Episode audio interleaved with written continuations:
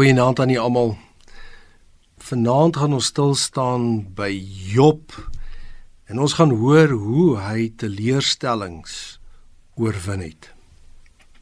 Teleurstellings is deel van die menswees. Dit bars sommer uit niks in 'n ou se lewe in.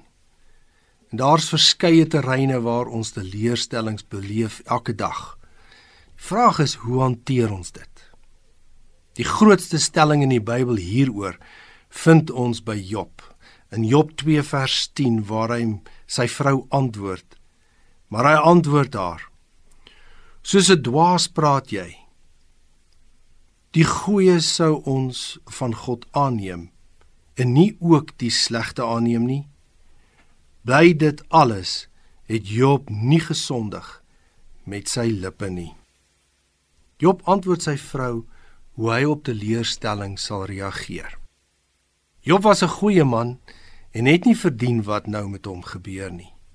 Soos ons ook baie keer voel as daar teleurstellings oor ons kom. Job se vrou het dit goed besef.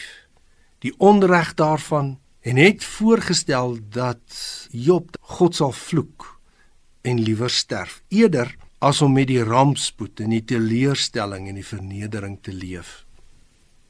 Job was 'n man wat die goeie van die lewe in 'n dankbare gees erken het. Nou wys hy dat hy sy teleurstelling in stilte en met moed sal hanteer. Hy sal nie verbitterd raak nie.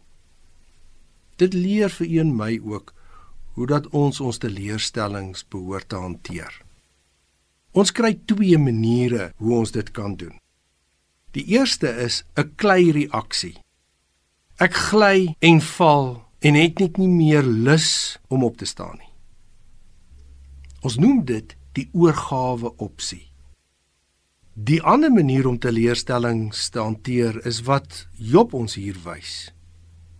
Diegene wat slegte dinge en teleurstellings met politoer afpoets en dit mooi maak as 'n uitdaging en begin soek na oplossings, veranderinge en vernuwings.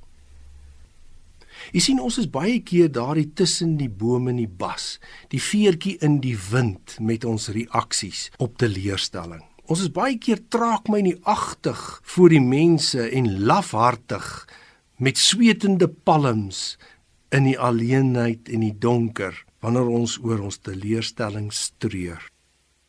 Here help my om op te staan en my teleurstellings blink te vryf en daarvan uitdagings te maak uitdagings wat ek môre saam met U wil aanderf. Amen.